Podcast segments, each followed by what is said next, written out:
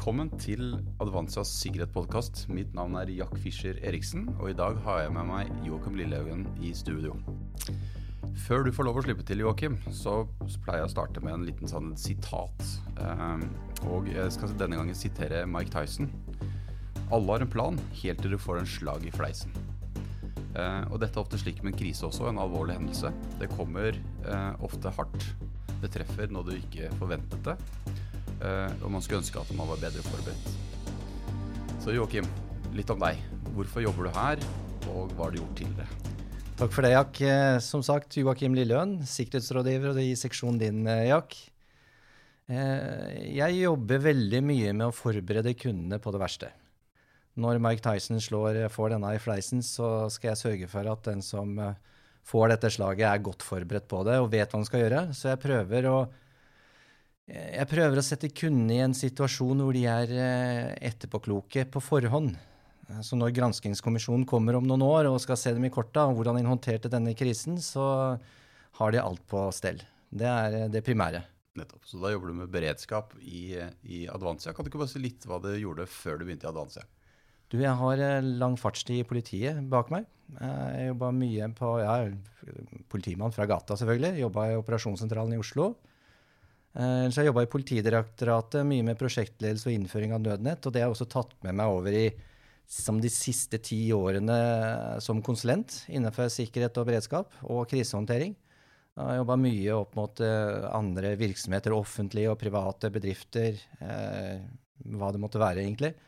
Eh, veldig mye med, med systemet SIM, eh, som vi, eh, som, vi, jobber med sammen med våre venner i Trondheim F24. Mm. Det skal vi også snakke litt mer om etterpå. SIM og hva det er for noe, og partneravtalen vi har med F24.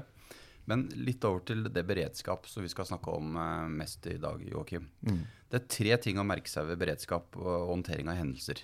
Kan du ikke ta fram eh, de tre tingene? Jo, det høres kanskje veldig enkelt ut, men det vi alltid må huske, at det er mennesker som skal håndtere en krise. Det er de ansatte i en virksomhet. Det er ikke et system som, skal, som gjør dette lett for oss. Men til syvende og sist så dreier det seg om f.eks. hvordan en kriseleder organiserer og koordinerer sin kriseorganisasjon til å håndtere da, en uønsket hendelse best mulig. Eh, men før vi kommer dit, så er det det å ha dette, ha en del planverk, ha en del rutiner på plass.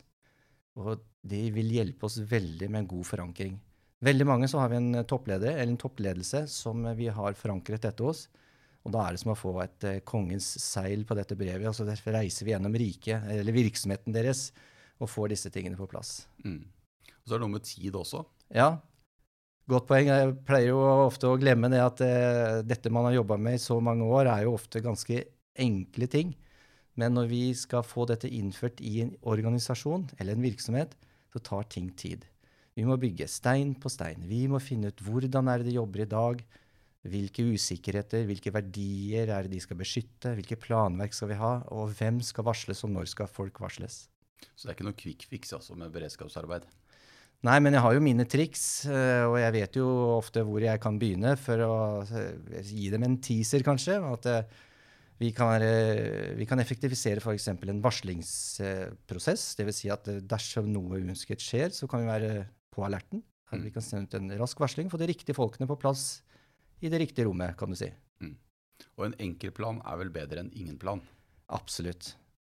Eh, det første vi begynner med, er jo å finne ut hva slags planverk finnes i dag. Så går vi gjennom det, eh, og veldig ofte så bruker vi bare det som er der i dag. Men eh, vi merker jo etter hvert som vi begynner å jobbe med dette, at det er en del forbedringspotensial. De pleier vi å, å, å, plukke ut, og så jobber vi da med, med, de forskjellige rutinene og prosedyrene. Det er ingen eh, komplisert sak, men det er bare at det tar litt tid, og vi må få en dedikasjon hos kunden. Mm. Vi skal litt over på denne SIM som vi har snakket om. Uh, og Der har vi jo en avtale med F24 i Trondheim. Og store deler av staten, kommuner og fylker, uh, private virksomheter, store offentlige virksomheter bruker jo SIM. Eh, kan ikke du på en enkel måte beskrive hva er det verktøyet? SIM er eh, et støtteverktøy innenfor krise, sikkerhet og beredskap og krise, planverk osv. Det er en webapplikasjon Eh, som har du internett og en nettleser, så har du mulighet til å bruke SIM. Det er ikke noe mer komplisert enn det, egentlig, men det, det kom fram på det, Man begynte å bruke SIM, eller eh, den gangen OneVoice, nå F24. Eh, lagde SIM på tidlig 2000-tallet eh, for å få en dokumentasjon og notoritet i en krisehåndtering. Eh, og så har vi i Advansia vi har jo en avtale med F24, så vi leverer da tjenester på den avtalen de har med det offentlige, gjennom Direktoratet for samfunnssikkerhet og beredskap. Mm. Og da er det jo konsulentene våre, og oftest deg, mm. leverer jo innholdet i dette produktet. For produktet i seg selv er jo nesten tomt. Ja. Det må jo bygges med kunnskap. Ja, jeg jobber jo mye med systemet, men så er jo mange av konsulentene dine Jack, de er jo i stand til å fylle mye av innholdet her. Mm. Kan du ta eksempelet med, med, Rune og kommunikasjonsplan, så vil jo det være et uh, godt uh, eksempel på et innhold som vi ønsker å utvikle. Men systemet for å få kommunikasjonsplan til å virke i organisasjonen, det kan vi gjøre i SIM på en veldig enkel måte. Mm. Og her kommer jo alle disse eh, gruppene våre inn mm. i uh, dette type arbeidet, hvor vi gjør analyser, mm. hvor vi jobber med kommunikasjon, hvor vi jobber med cyber, mm. hvor vi jobber med eh, beredskap, planverk, øvelser osv. Og, så og dette kan alt benyttes inn i SIM som eksempel. Ja, du kan trekke det veldig langt. Eh, og eh, bare det å få en oversikt over hvordan man jobber i dag, eh, det kan vi legge inn i SIM, altså arbeidsprosesser. Eh, når vi skal jobbe med et område, så ser vi det at innenfor dette området skal vi ha en risiko- og sårbarhetsanalyse. Selve analysen kan vi gjøre i SIM. Når vi skal følge opp tiltak, når vi skal følge opp usikkerhetene, vi skal gjøre en finansiering av tiltak for å eh, forebygge at noe skal inntreffe, så gjør vi det også i SIM. Eh, når vi ser gjennom analysene at vi ender opp med noe som vi kaller for en restrisiko, dvs. Si det vi ikke kan kjøpe oss ut av, det må vi ha en beredskap for, da bygger vi den beredskapsplanen i SIM. Mm. Da er vi jo kommet fram til der at da, når krisen inntreffer, så operasjonaliserer vi alt det innholdet i en krisehåndteringsevne. Mm. Så da setter vi en kriseorganisasjon i stand til å redusere konsekvensen Eh, av at en uønsket hendelse inntreffer. Mm. Og da handler det jo tid igjen å komme ja. fortest mulig tilbake igjen til ja. normaltilstanden. ikke sant? Vi ønsker å være tidlig og langt framme i skoa. Uh, og jo tidligere vi klarer å uh, finne de triggerne i en virksomhet, de verdiene de ønsker å beskytte, at vi kommer tidlig inn i den prosessen, så får vi også de riktige hodene inn i en koordinering og et samvirke internt. Og så kan man begynne å Eh, gjøre de riktige tingene for å komme mot en normal situasjon igjen. Mm. Og så er det jo sånn at uh, Mye av planverk og analyser har jo tidligere vært i, i Word eller på Excel-ark. Ja.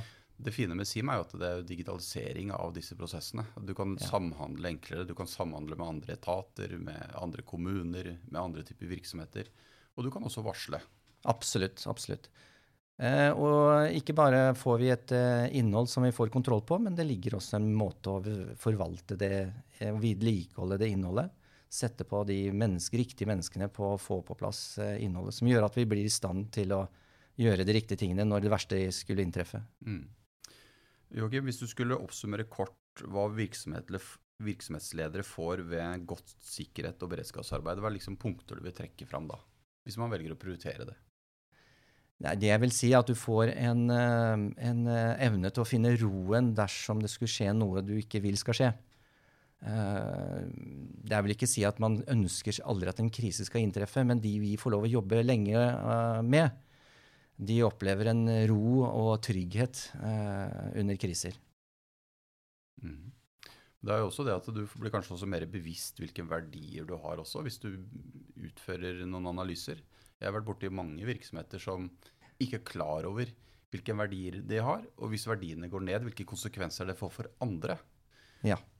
Det er også en ting som jeg tenker kan være en eye-opener for, for, mange ledere. Å se at du kan faktisk ramme andre ved at du selv blir rammet. Ja, og vi er jo ofte inne og kartlegger eh, konsekvensene når verdiene blir truet.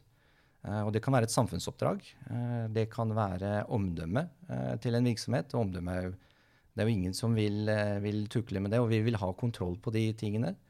Det kan være liv og helse, materielle verdier eh, osv. Informasjonssikkerhet kan være en slik ting. Mm. Det er jo veldig i vinden for tiden. Mm. Og da ser vi på um, hvilke tiltak er relevante når en eller flere av disse verdiene er truet.